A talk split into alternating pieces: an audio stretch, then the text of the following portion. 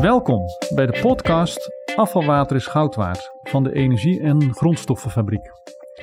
De EFGF is een grote netwerkorganisatie van de 21 waterschappen en houdt zich bezig met het terugwinnen van grondstoffen en energie uit afvalwater. Vandaag zijn we bij HVC in Dordrecht, bij de opening van een demonstratiefabriek voor de winning van een natuurvriendelijke plasticvervanger. Deze grondstof wordt geproduceerd uit bacteriën die met speciale voeding worden vetgemest. Als de bacteriën volgroeid zijn, wordt de plasticvervanger gewonnen. In dit project werken de vijf waterschappen de Dommel, Wetterskip Friesland, Brabantse Delta, Scheldestromen en Hollandse Delta samen met de STOA, afvalverwerker en energieproducent HBC en technologiebedrijf Pax Biomaterials. Vandaag praten we met Otto van der Galien, dagelijks bestuurder van Wetterskip Friesland, en Paul Koemans, directeur bij Waterschap de Dommel.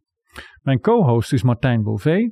Martijn is als business developer verbonden aan Aqua Minerals en mijn naam is Shane Kleihorst, lid van het programmateam van de Energie- en Grondstoffenfabriek. Korte vraag aan jullie. Waarom is dit zo'n belangrijke dag? Otto, mag ik bij jou beginnen?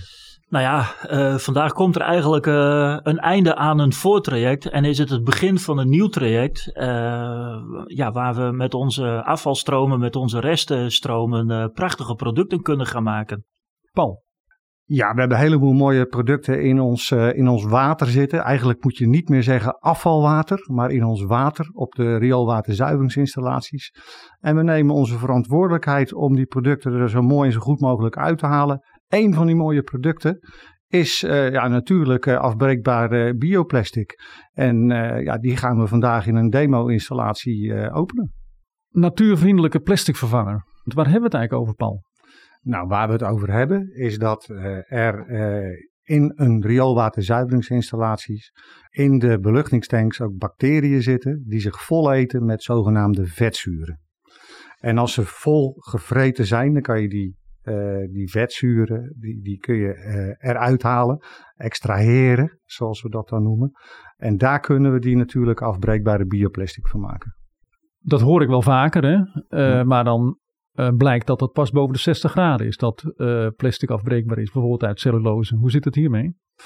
Ja, nou goed, hier kan het dus ook met lagere temperaturen. Oké, okay, dus als ik een plastic zakje heb en ik graaf ja. hem in de tuin, ja. dan vind ik hem na twee maanden niet meer terug. Nou, twee maanden is wel het meest optimistische scenario. Dat is wel eens genoemd. Maar richting een jaar moet dat zeker kunnen. In hoeverre is dit een doorbraak, Otto? Nou, uh, dat, dat sluit perfect aan op wat uh, Paul, Paul zegt. Stel je voor, uh, in deze tijd kopen we weer heel veel plantjes met van die plastic bakjes erom. Als we er nu in slagen om daar van ons product die bakjes te maken en je zet ze in de tuin, dan vind je ze na een half jaar tot een jaar vind je niks meer terug. En nu heb je soms na jaren vind je nog weer plastic erin. Dus wat dat betreft zou het een enorme doorbraak zijn. En ik denk dat je daar het beste aan kan, kan zien. Dus bij een concrete toepassing. Oké, en welke toepassingen denken jullie nog meer aan? Ja, op tafel staan wat uh, prototypes. Dat zijn ja, plastic kaartenhouders vanuit uh, PHA, zoals we dat noemen. Hè. Zo heet het uh, officieel. Dat, de, de, PHA staat voor polyhydroxy alkanoaat. Meteen weer vergeten, maar dat is PHA. Ja. En dat zijn die natuurlijk afbreekbare plastics. Nou, hier op tafel uh, ligt een, een, een kaartenhoudertje. Uh, ik heb er ook een in mijn zak zitten. Daar zitten festivalmuntjes in. Nou, die worden ook verloren en die liggen in het gras en die breken dan ook uh, op een natuurlijke wijze af. Er zijn siervoorwerpjes, maar er ligt ook een, uh, in dit geval nog een hardplastic uh, schoenzool. In de textiele industrie zien wij ook kansen om ook daar schoenzolen, die natuurlijk ook microplastics achterlaten, die met afspoeling ook in het water verdwijnen, om daar ook een toepassing in te vinden. En misschien ook nog de coating om ehm, kunstmest, hè? want dat is natuurlijk ook een product wat heel veel gebruikt wordt in de, in de landbouw. Nou, er komt, nu is het nog uh, gewoon plastic. Als je dat ook met dit spul kunt doen, nou, dat breekt dus ook op een natuurlijke manier af. En dan hebben we dus minder uitspoeling ook in ons, uh, in ons water. Waardoor het, de kwaliteit van het water ook weer beter wordt. Dus dan snijdt het mes weer aan twee kanten. Toch even een vraagje. Waarom zit de plastic coating over kunstmest? Kunstmest, dat strooi je uit over het land. En dat spoelt op een gegeven moment, als daar water bij komt, vrij snel uit. En uh, niet alles kan dan worden opgenomen door het gewas. En dan spoelt het uh, in principe te snel uit naar het oppervlaktewater. En als je daar dus een plastic coating over doet, die langzaam afbreekt, maar wel Mhm. snel genoeg afbreekt, dan kun je het heel gedoseerd laten opnemen. Ja. En dat is echt wel een goede toepassing, want waterschappen, ja, de RWZT's, de rioolwaterzuiveringsinstallaties, die moeten dus al die stikstof- en fosforverbindingen, zogenaamde nutriënten, uit het water halen. Interessant. Ik hoor, ik hoor veel toepassingen. eh, Interessante toepassing, afbreekbaar. Maar hoe gaat de markt jullie vinden? Die heeft ons al gevonden, want er is al een heleboel vraag naar eh, dit soort eh, producten. Alleen wacht men ja, tot we in massa kunnen produceren. En nou, vandaag is daar de eerste dag in dat we deze demo eh, of deze fabriek gaan, gaan openen. waarmee we toch meer kilo's kunnen produceren. En dat moet doorgroeien naar nog meer kilo's. En dan vindt die markt ons wel, want die ziet ook wel dat dit een hartstikke goede kans is. Interessant project, hè? Een eh, plastic vervanger uit afvalwater. Wie heeft het eigenlijk bedacht? Ja, dat is bedacht eh, door, eh door Etteke Wiekema en door Ieder van der Kooi. Van respectievelijk eh, Waterschap Brabantse Delta en Wetenskip eh, Friesland. Nou, daar kan Otto vast nog wel eh, meer over vertellen. En ja, dat begint met een goed idee vanuit de technologie. eh, vanuit wat ik ook net zei. Van, ja, we kunnen ook nog mooie dingen doen met eh, bacteriën die wij in onze zuiveringsinstallaties Ja, hebben maar zitten. mijn vraag was eigenlijk meer van... Kijk, in, in afvalwater zit van alles, kun je eruit halen. Ja. Maar bioplastic zit in, of natuurlijke plasticvervanger zit er niet in. Dus iemand moet een keer bedacht hebben van... hé, hey, eh, je kunt die bacteriën eh, misschien wel een beetje vetmesten. Ja, dat en zijn, dan- eh, maar wie heeft dat bedacht Dat dan? zijn de, de, de slimme technologen Oké. die ik dus net noem. En toen dachten wij van, hé, hey, daar kunnen we wat, eh, wat mee doen. Ja, en dan, dan begint het eh, in een onderzoekskamertje, vaak op een hele kleine mini-schaal en dan op laboratoriumschaal. En dan ga je partners zoeken vanuit bijvoorbeeld een universiteit of bij collega's. En, en zo ontstaat er iets heel moois. Gaan vaak jaren overheen, maar er ontstaat wel iets moois. Want wanneer was dan het begin hiervan? Weet jij dat, Otto? Nou, dat is denk ik wel tien jaar geleden dat het eh, voor het eerst eh, dit idee kwam. En het mooie was, even in aanvulling wat Paul zei, het was bij Wetenskip Friesland was iemand, Ieder van de Kooi, eh, die ermee begon. En tegelijk bij Brabantse Delta was er ook iemand die samen met, volgens mij met de hogeschool, Avans Hogeschool, die, die daarmee begon. En dat kwam uiteindelijk bij elkaar en tot de dag van vandaag. En dat is gewoon het hele mooie van het verhaal. Dus op twee verschillende plekken eh, ontstond dit. En eigenlijk ook in, in Zweden eh, eh, hebben ze dit ook gedaan. Daar hebben ze het wel een beetje van afgekeken. Maar dat geeft niks. Dit is een gewoon hartstikke mooi project. En nou, v- vandaag een historische dag. Ot- Otto, je, je vertelt het is een hartstikke mooi project. Leuk om te horen. Jullie gaan een natuurlijke plastic vervanger produceren. Welk probleem lost dat nu op? Nou ja, we moeten van de fossiele brandstoffen af. Plastic eh, komt natuurlijk van, eh, van olie. Olie is eindig. Nou ja, en onze reststromen zijn niet eindig.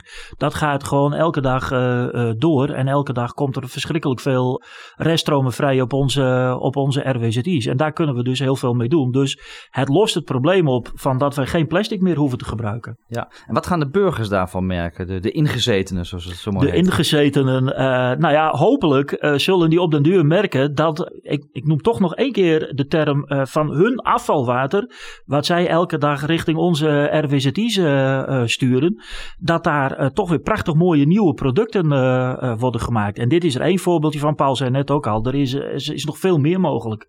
RWCT's zijn afvalwaterzuivering. Ja, Even voor rioolwaterzuivering, duidelijkheid. Ja, waar ons Ja, afvalwater ja, terechtkomt en weer schoongemaakt wordt zo goed als het kan. Paul, heb jij enig idee als dit gaat vliegen, over welk deel van de fossiele plasticmarkt dit zou kunnen vervangen? Of is daar geen beeld van? Nou, dat is dat op zich een klein deel, want plastic is overal. En, Hmm. en dit is echt maar een, een klein aandeel. We beginnen natuurlijk nog, maar nog veel kleiner ook vanuit de demo-installatie eh, met, eh, met afnemers, de tuindersindustrie. En het is op zich een klein deel en het kan heel erg groeien. Maar ook het, het water, het afvalwater vanuit zuiveringsinstallaties is natuurlijk eindig. Dat gaat niet de hele wereldmarkt bedienen voor de natuurlijk afbreekbare bioplastics, maar wel een, een deel pakken.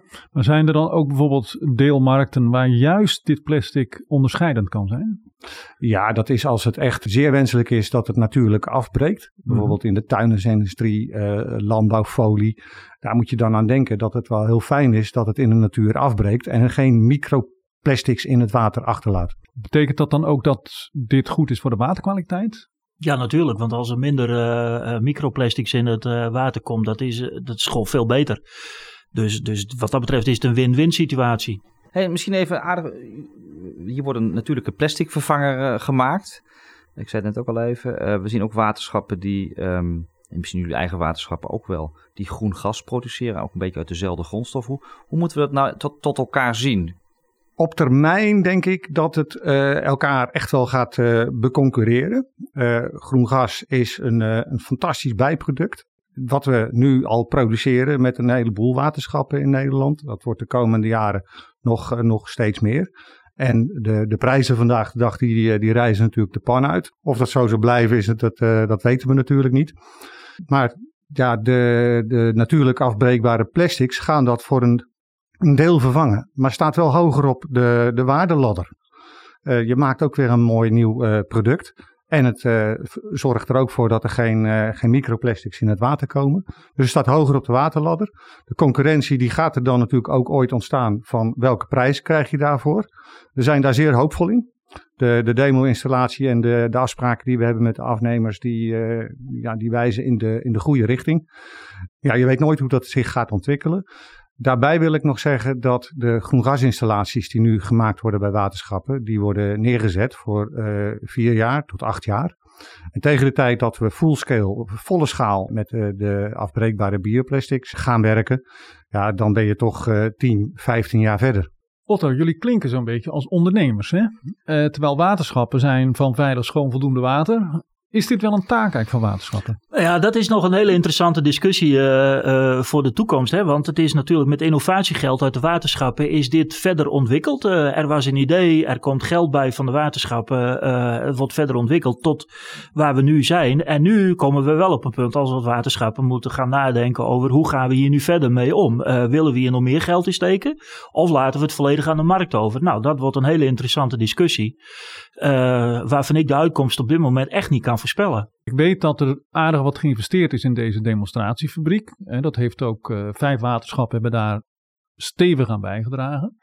Was dat nou nog een uitdaging bij jullie bestuur? Bij ons bestuur was het absoluut geen enkele uitdaging. Ik, ik, ik was zelf toen nog lid van het algemeen bestuur toen uh, hiervoor geld uh, beschikbaar gesteld moest worden. Nou, er was geen enkel probleem. Dat is met unanieme stemmen toen aanvaard. Dus daar was iedereen binnen ons bestuur het over eens. Nou, ik zit nu in het dagelijks bestuur, andere rol. Bij ons in het dagelijks bestuur is er ook geen enkele twijfel of we met dit project moeten doorgaan. Alleen de vraag, moeten we hier meer in investeren. Want die gaat wel met publiek geld iets commercieels doen. En daar doe jij natuurlijk mhm. ook op. En dat, nou ja, daar moeten we het nog eens stevig over hebben. Ja, nou, misschien wel interessant. Uh, investeren gaat altijd vooruit aan uh, renderen. Hè? Dus dat er een resultaat behaald wordt. Los even van een uh, duurzaamheidsresultaat. Kan ik me voorstellen dat jullie ook zoeken naar een besparing of een financieel resultaat. Hoe verhoudt zich dat tot overheid versus markt? Hoe gaan jullie dat aanpakken? Nou ja, Overigens is het bij Waterschap de Dommel net zoals uh, bij, bij Wetenschap Friesland dat uh, ja, wij hebben daarin uh, in geïnvesteerd. En dat was geen discussie of we dat zouden doen. Het product is en was te mooi. En we zien het als een innovatie. En innovaties die, die lukken vaak, maar die lukken ook vaak niet. En dat is ook een filosofie. Als je iets moois wil bereiken, dan mag er iets mislukken. Uh, en we hopen het niet. Dit gaat niet mislukken, dus dit is een mooie innovatie.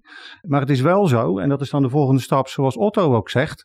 Uh, de volgende stap, uh, daar gaat het echt om uh, miljoenen investering. Ja, dan moet er natuurlijk een business case aan de grondslag liggen. Het is niet zo dat we dan weer zeggen van ja, dit, dit mag weer mislukken of we gaan met de prijs daar ook iets naar beneden. Nee, dan moet er echt iets aan de grondslag liggen. En dat kunnen we niet alleen. Dat doen we met vijf waterschappen, dat doen we met de STOA, dat doen we ja, met Paak Biomaterials. Dat is een, gewoon een industrieel bedrijf.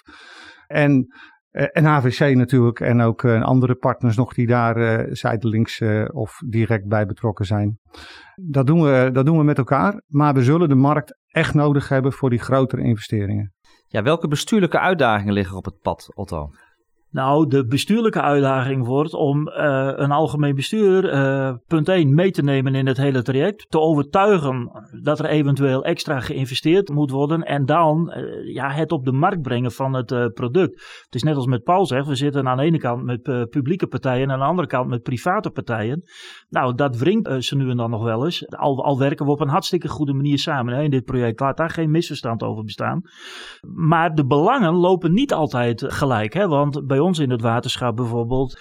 Wij willen het liefst de kosten voor de burger zo, zo laag mogelijk uh, houden. Nou, dat is in andere waterschappen ook zo. Nou ja, past dat dan nog binnen de doelstelling om uh, al, als je flink gaat investeren hierin? Dus dat wordt een hele uitdaging. Maar als je flink gaat verdienen? Nou, het is net wat Paul zegt. Daar moet er een hele goede business case onder liggen. Dus, en daarmee, en dan ben je er nog niet. Want stel dat die business case ontzettend positief is. Hè? Nou, dan zul je binnen de algemene besturen van de waterschappen nog heel wat moeten overwinnen voordat men daarmee akkoord zal gaan. Is dat omdat het dan oneigenlijke taak is? Ja, omdat er toch een hele grote stroming binnen de uh, algemeen bestuursleden, in ieder geval bij ons is, die vindt dat we ons moeten beperken tot de, de drie taken uh, schoon, voldoende, veilig. Even een stapje terug naar de samenwerking van die vijf waterschappen. Binnen waterschapsland is dat namelijk uniek, hè? want samenwerken is nou, niet, niet een gegeven. Hoe is dat jullie gelukt? Daar kan Paul denk ik beter, want die is er vanaf het begin waar meer bij betrokken nou, geweest. Dat is toch het enthousiasme en de geloof in het product.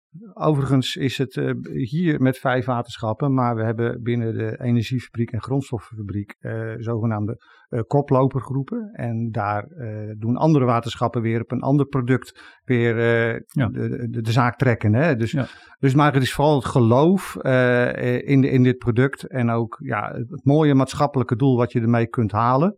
En ook de kansen uh, om dit veel breder weg te zetten. En dan hoeven wij niet eh, zelf de fabriek neer te zetten. De samenwerking met de, met de industrie is daarin belangrijk. Even als voorbeeld, wij maken uh, biogas, groen gas voor uh, verschillende doellijnen, maar ook voor transport. Maar we bemannen niet het tankstation.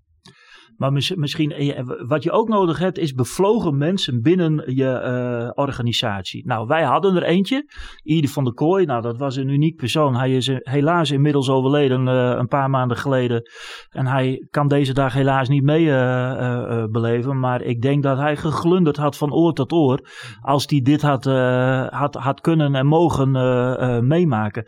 Maar zulke mensen die waren er bij ons. Die zaten er ook bij andere waterschappen. En, en die vinden elkaar wel tegenwoordig. Okay. Dus, en, en dan krijg je een kruisbestuiving waar dit soort uh, mooie resultaten uit voortkomen. Ja. Jullie zijn met vijf waterschappen hier in de, die elkaar de hand vasthouden in dit project. Er zijn natuurlijk meer waterschappen dan deze vijf. Wat kunnen die andere waterschappen nu doen om dit mede tot een succes te brengen?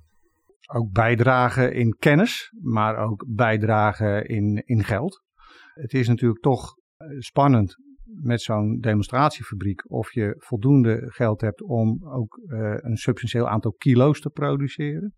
Nou, er lopen ook gesprekken, maar net wat ik al zei, die andere waterschappen zitten weer in andere koplopergroepen. Dus uh, we zijn ook aan het kijken of we in het kader van solidariteit ook uh, misschien ook met een fonds kunnen gaan werken. Dat we daar ook gelden uit kunnen halen. Zodat ook het geen uh, belemmeringen hebben in de, in de slagvaardigheid om een product ook daadwerkelijk te produceren en op de markt te zetten. En natuurlijk, misschien nog even aanvullen. We hebben de, de Rijksoverheid ook nodig. Hè? Want we zitten nog steeds met het. Uh, we maken iets van een afvalproduct. Waarbij alle, allemaal regels gebonden zijn. Uh, wat echt belemmerend werkt. Dus de Rijksoverheid moet ook het nut hiervan inzien. En die belemmeringen weghalen. Zodat ze niet meer zeggen: dit is een afvalproduct. Maar dit is gewoon een mhm. prachtig mooi nieuw product. Waar die belemmeringen niet meer op zitten. Nou, dat zou ons enorm helpen. En schiet dat een beetje op? Nee, nee, nee, niet echt. Nee. Maar voor uh, bijna geen enkel product uh, vanuit de energiefabriek, grondstoffenfabriek. We zijn nu het verste met, uh, met, ook met, met cellulose. Ja. Uh, maar ja, er kan nog wel wat verbeteren. De zogenaamde end of waste, einde afvalstatus, die, uh, die, die, moeten, ja, die moeten dus eigenlijk af, wil je het goed op de markt kunnen zetten. En ja, daar gaan vaak jaren overheen om dat te kunnen bereiken. Ja, ja. En ja, de energiefabriek, grondstoffenfabriek, die is daar ook met een, uh, met een werkgroep ook mee bezig. En met Aquaminerals om dat te versnellen. Erbij, om dat te versnellen. ja. En, Misschien dat deze podcast naar het uh, ministerie kan, hè? Ja, dat gaan we doen. Ja, goed. ja. Misschien even, Paul, je noemde al uh, het tijdsaspect. Waar staan we nou over vijf jaar? Waar staan jullie over vijf jaar? Over vijf jaar hebben wij een commerciële plant op een mooie plek in Nederland. Op een uh, locatie, ongetwijfeld van een waterschap, waar de andere waterschappen ook in participeren. misschien wel op twee plekken. Als echt opstap naar, uh, naar verder, naar verdere commercialisering. Maar die commerciële plant, die staat er over vijf jaar. Zijn wij wel in staat om voortdurend uh, voldoende kwaliteit, leveringszekerheid en volume te bieden aan de markt? Want dat is wat ze willen. Ja, dat, is, uh, dat, ja, dat zit ook als onderdeel in de demonstratiefabriek. Mm -hmm. dat is hoopgevend nu wat we, wat we zien met de, de aanbiedingsstroom van, van, van het slip. En de bacteriën die daar ook vetzuren eten en daar ook de basis zijn voor de natuurlijk afbreekbare plastics. Ja, wij kunnen een gegarandeerde stroom hebben om dit uh, te realiseren. Ja. Otto, Martijn vroeg net aan Paul, waar staan we over vijf jaar? Waar staan we over vijftien jaar? Dan is het volledig commercieel. En dan is het niet meer weg te denken in deze maatschappij. Een kort antwoord, maar ja, ik ben er heilig van overtuigd dat we die kant op gaan. Oké, nou wil ik de feestvreugde niet bederven. Maar en nou hoor ik verleden week op de radio dat uh, er een enzym is ontwikkeld uh, dat fossiel plastic kan afbreken buiten een laboratoriumsituatie. Ik denk, hé, hey, daar gaat de business case. Dat is mooi, maar ook daar zal heel veel jaren een ontwikkeling overheen gaan voordat op grote schaal zal, kan worden toegepast. Dus er is, er is markt zat voor ons, uh, voor ons product. Ik, ik ben er echt van overtuigd, dit is een van de dingen waarmee uh, wij als waterschappen uh, nou, onze verantwoordelijkheid al hebben genomen, mm -hmm. maar we ook richting een circulaire economie gaan. En dat uit mijn mond, nou dat is heel wat. Ja, en ik heb in het begin van de podcast ook gezegd dat wij maar ook een stukje van de markt uh, kunnen bedienen. Dus er blijft nog heel veel over, wereldwijd, uh, om dat uh, enzym. Ik uh, ben heel blij met dit soort berichten, om ook de plastic soep verder terug te dringen. Wij maken daar maar een schakeltje van uit en ja, dat andere, dat helpt enorm. We hadden het net even over de energie- en grondstoffabriek. Wat doet de EFGF nog meer? Nou, de EFGF uh, doet uh, uh, heel veel met allerlei producten, maar ook met energie. Nou, oorspronkelijk was de bedoeling om 17 energiefabrieken neer te zetten. Er staan er zelfs al een, een paar meer. Nou, die maken biogas. En van dat biogas kun je voor warmte inzetten, kun je voor de industrie inzetten. Maar je kan het ook opwerken tot groen gas en dan voor transport inzetten. Maar ook restproducten uit het afvalwater halen. Cellulose, het toiletpapier wat we erin hebben zitten. Dat uh, laten we niet aan het eind verbranden. Nee, dat halen we eruit. En daar kun je ook weer uh, hele mooie dingen mee doen. Nutriënten heb ik al genoemd. fosfaat en, en stikstof. Nou, fosfaat, eindige grondstof? Ja, fosfaat is een eindige grondstof. Dat zit vooral in China en in Marokko. Nou, we zien dat uh, specifieke landen die, die op een, uh, een bron zitten van, uh, van stoffen, dat dat ook een, een risico is. en bovendien is het gewoon sowieso eindig. Nou, dat is, uh, dat is een van de producten. Dan hebben we ook uh, Caumera. Caumera, uh, bij een specifiek zuiveringsproces ontstaan slipkorrels. Daar kun je ook een kern uithalen. Lijkt een beetje natuurlijk op, op Vario. Maar dat kun je ook inzetten voor, voor mooie toepassingen. brandwering, heling van beton, wat ook met, met Vario kan.